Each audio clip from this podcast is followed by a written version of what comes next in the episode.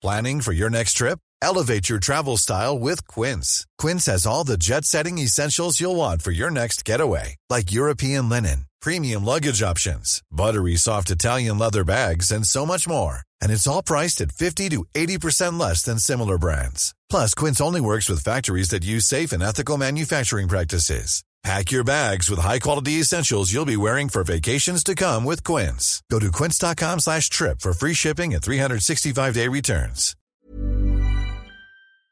Okay, what's the number one reason you should try Instacart? Shopping over 1.5 million unique products from over 1,000 retailers and get everything delivered right to your door in as fast as one hour, all in one app.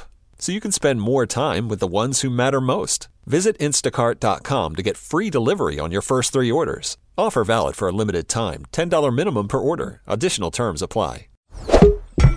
Tony Media. Het is oorlog in Europa. Gaan we allemaal dood in een kernoorlog? Nee, ik denk het niet.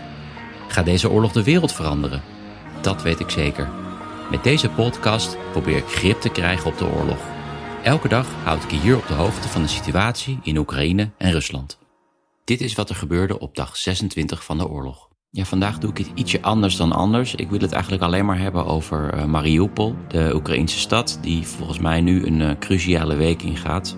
Er zijn op dit moment echt man-tot-man gevechten in het hart van de stad. En dat na wekenlange bombardementen. En het lijkt erop dat die slag om Mariupol deze week wel beslist zou kunnen worden. Dus het leek me goed om wat meer achtergrond te geven over deze stad, die voortdurend in het nieuws is. Eigenlijk spreek je de naam Mariupol uit met een zachte L aan het eind. Dus je drukt je tong tegen je gehemelte. L, L, Mariupol, dat je het weet. Het is een havenstad aan de zee van Azov. Uh, een zee die gelinkt is aan de Zwarte Zee. Vanuit hier wordt onder meer bijvoorbeeld het graan van Oekraïne uh, geëxporteerd naar het Midden-Oosten en naar Afrika. Waar nu natuurlijk uh, problemen zijn met de ja, gebrek aan, aan Oekraïns graan. De stad telt 430.000 inwoners. En een flink aantal van de inwoners, dat is wel interessant, 30.000, dat zijn Grieken. Dat noemen de Oekraïners Pontische Grieken. De Grieken zitten er al eigenlijk vanaf de, ja, de oud-Griekse tijd. Toen hebben ze een aantal uh, koloniën aan de Zwarte Zee uh, gesticht. Waaronder op de Krim. Dus er zaten heel veel Grieken. En toen in 1783 de Krim is ingenomen door Catharina de Grote... heeft zij de Griekse bevolking gedeporteerd van de Krim naar Mariupol. Dus die zitten er nu. Ik ben er zelf ook geweest. En dan ga ik weer. ik heb iets opgenomen in Mariupol. En ik ga dat toch weer even in de show notes zetten. Want het geeft je denk ik wel een goed beeld van, uh, van die stad. Ik heb daar uh, gefilmd bij soldaten die daar in de loopgraven zaten. Op dat moment had Rusland al de Krim ingenomen. En eigenlijk het, het front liep op dat moment bij uh, Mariupol. In diezelfde aflevering uh, film ik ook in een dierentuin. De dierentuin van Mariupol. En ja, dat is echt volkomen krankzinnig. Want zelfs in die tijd was het, ja, het front liep daar. Dus het was een gevaarlijke situatie. En die eigenaar van die dierentuin, die moest dus elke dag 70 of 80 kilo vlees langs dat front zien te krijgen voor zijn leeuwen en zijn tijgers. Dus ik, ik film daar in die dierentuin. Er zit ook nog een masturberend aapje in, dat geheel terzijde. Maar um, nou ja, daar zou je nog even naar kunnen kijken. Waarom is die Mariupol nou zo'n belangrijke stad? Er zijn denk ik twee redenen. Uh, ten eerste een strategische reden.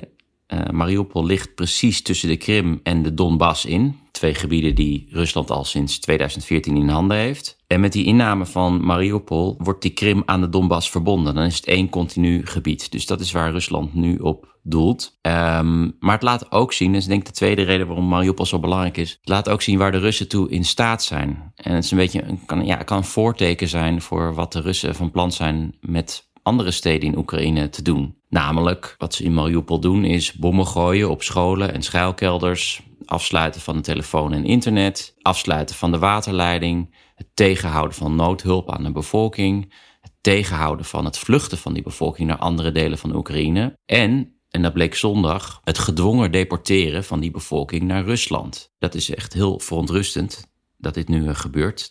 Naar schatting worden, zijn er al 4500 bewoners gedeporteerd de grens over naar Taganrog aan de Russische kant. In en terzijde, dat is de geboorteplaats van Tsjechov. En tenslotte, om de waanzin van deze oorlog te onderstrepen, 44% van de inwoners in Mariupol is Russisch-talig. Dus Poetin bombardeert de mensen die hij met deze oorlog juist zegt te willen beschermen. We gaan door naar de Russische media. Ja, vandaag even geen Russische media, maar Oekraïense media. Want ik wil het hebben over de werkelijkheid op de grond in Mariupol. Stalin, of all people, zei het al: één dode is een tragedie een miljoen doden een statistiek. En hoe moeilijk het ook is, het is ook belangrijker om te vertellen over het leed van de individu. Nou, de laatste journalisten zijn een paar dagen geleden vertrokken uit Mariupol. Dus we moeten het doen met ooggetuigenverslagen. In de show notes vind je een uh, verslag van inwoner Nadia Sugarukova, geplaatst op de site Hromadske. Ik hoop dat ik het goed uitspreek. Het is Oekraïens, een taal die ik niet goed spreek. Um, is een Oekraïens journalistiek platform. En ik lees nu een fragment voor uit dat ooggetuigenverslag. Tussen de bombardementen ga ik naar buiten om de hond uit te laten. Mijn hond huilt, rilt en verstopt zich achter me. Ik ben niet meer bang om naar buiten te kijken. Nummer 105 staat in brand. Vijf verdiepingen zijn al in de as gelegd. De vlammen zijn bezig met de zesde. Ik kijk rustig naar de vlammen. Ik weet zeker dat ik binnenkort doodga. Drie dagen geleden was er een bom op de brandweer gegooid. Reddingswerkers die in het gebouw zaten gingen dood. Er lag een vrouw zonder arm, been of hoofd. Ik hoop dat mijn lichaam na een bombardement intact zal blijven. Ik weet niet waarom, maar dat vind ik belangrijk. Hoe dan ook, ze zijn gestopt met het begraven van de doden. Dat is wat de politie ons vertelde toen ik vroeg wat we moesten doen met het lichaam van de oma van onze vrienden. Leg haar maar op het balkon, adviseerden ze. Ik vraag me af hoeveel lichamen er op andere balkons liggen. Deze week, elke keer als ik weer zal horen over Mariupol en over die toch wat abstractere bombardementen, beschietingen en vluchtelingenstromen, zal ik denken aan deze Nadia Sugarukova. Nu is het echt tijd voor een lichtpuntje, anders is het niet te doen. Ja, uh, vorige week had ik het natuurlijk al over de Derde Wereldoorlog en waarom ik denk dat die niet gaat komen. Maar goed, ik heb af en toe toch nog wel die angstbeelden. Um, niet in de minste plaats omdat in Boston iedereen heel druk bezig is met het inkopen van jodiumpillen. Maar als ik die angst heb, dan denk ik vaak aan um, Stanislav Petrov. En daar wil ik wat over vertellen. Want Stanislav Petrov is de man die op 26 september 1983 de wereld heeft gered. Hij is eigenlijk de reden voor iedereen die geboren is voor 1983 dat je nog leeft. En voor iedereen geboren na 1983, dankzij hem ben je überhaupt geboren. En ben je niet geboren met een paar vingers te veel of twee hoofden of iets dergelijks. Gek genoeg is het niet een heel bekend verhaal. Ik had hier ook over verteld in, uh, in Boston, maar niemand wist daar eigenlijk vanaf. Het is 83, de Koude Oorlog is in volle gang. Een paar weken daarvoor hebben de Sovjets per ongeluk een vliegtuig van uh, Korean Air uit de lucht geschoten. Die per ongeluk eventjes het uh, Sovjet uh, luchtruim was binnengevlogen. En um, op die dag was Petrov de officier van dienst. En hij werkte in een soort van early warning system buiten Moskou. Dus daar houden ze in de gaten of er raketten komen uit Amerika. En op zijn scherm ziet hij eerst één kernraket en daarna vijf kernraketten richting de Sovjet-Unie vliegen. En uh, de BBC heeft een mooi stuk daarover geschreven, staat in de show notes. Maar hij zegt daar in ieder geval, ja, de sirene ging, maar ik zat verstijfd en deed even niks. En ik kon alleen maar naar het grote scherm kijken waar het woord lancering op stond. Moet je even voorstellen hoeveel stress je kan hebben op zo'n moment. En zijn taak was dan om dit door te geven aan zijn superieuren. En hij wist dat die uh, superieuren van hem geen moment zouden twijfelen. Die zouden gelijk een tegenaanval uh, lanceren. En hij wist ook dat hij maar een paar minuten had om überhaupt te reageren. Want ja, die raketten waren onderweg en het zou niet lang duren. En toen gebeurde het dus. Hij besloot om het niet door te geven aan de mensen aan wie die het hoorde door te geven. Want, dacht hij, waarom zouden die Amerikanen maar vijf kernraketten naar de Sovjet-Unie sturen? Dat is niet logisch. Als je een derde wereldoorlog wil beginnen, dan schiet je gewoon al je raketten tegelijk af. Of in ieder geval duizend of zo. Maar waarom maar vijf? Dat vroeg hij zich af. En er komt nog bij, er was net een nieuw computersysteem geïnstalleerd in dat centrum. En hij vertrouwde dat systeem niet helemaal. En verder, wat denk ik cruciaal is geweest, uh, is dat hij de enige in het centrum was met een civiele training. Hij had geen militaire training. Dus hij was ook niet gewend om blind orders door te geven. En misschien heeft dat ons wel gered. Maar goed, in een interview geeft hij ook toe dat het uiteindelijk ook echt wel een gok was. En um, het duurde dus 23 minuten voor die raketten al dan niet zouden inslaan. Maar na die 23 minuten gebeurde er niks. En wist Petrov dus dat het geen uh, kernraketten waren.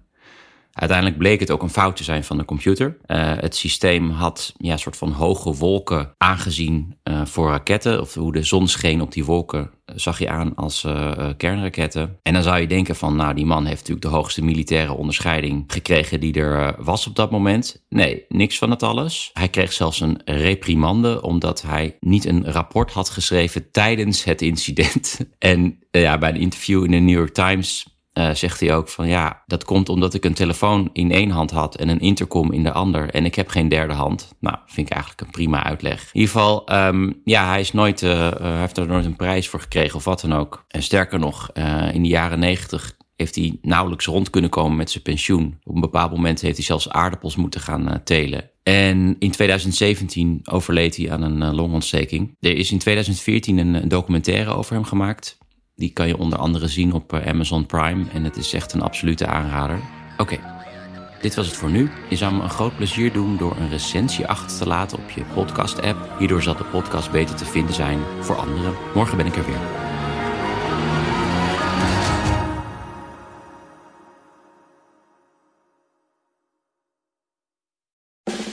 We made USAA insurance to help you save. Take advantage of discounts when you cover your home and your ride. Discover how we're helping members save at USAA.com/bundle. USAA. Restrictions apply. Planning for your next trip? Elevate your travel style with Quince. Quince has all the jet-setting essentials you'll want for your next getaway, like European linen, premium luggage options, buttery soft Italian leather bags, and so much more. And is all priced at 50 to 80% less than similar brands. Plus, Quince only works with factories that use safe and ethical manufacturing practices. Pack your bags with high-quality essentials you'll be wearing for vacations to come with Quince. Go to quince.com/pack for free shipping and 365-day returns.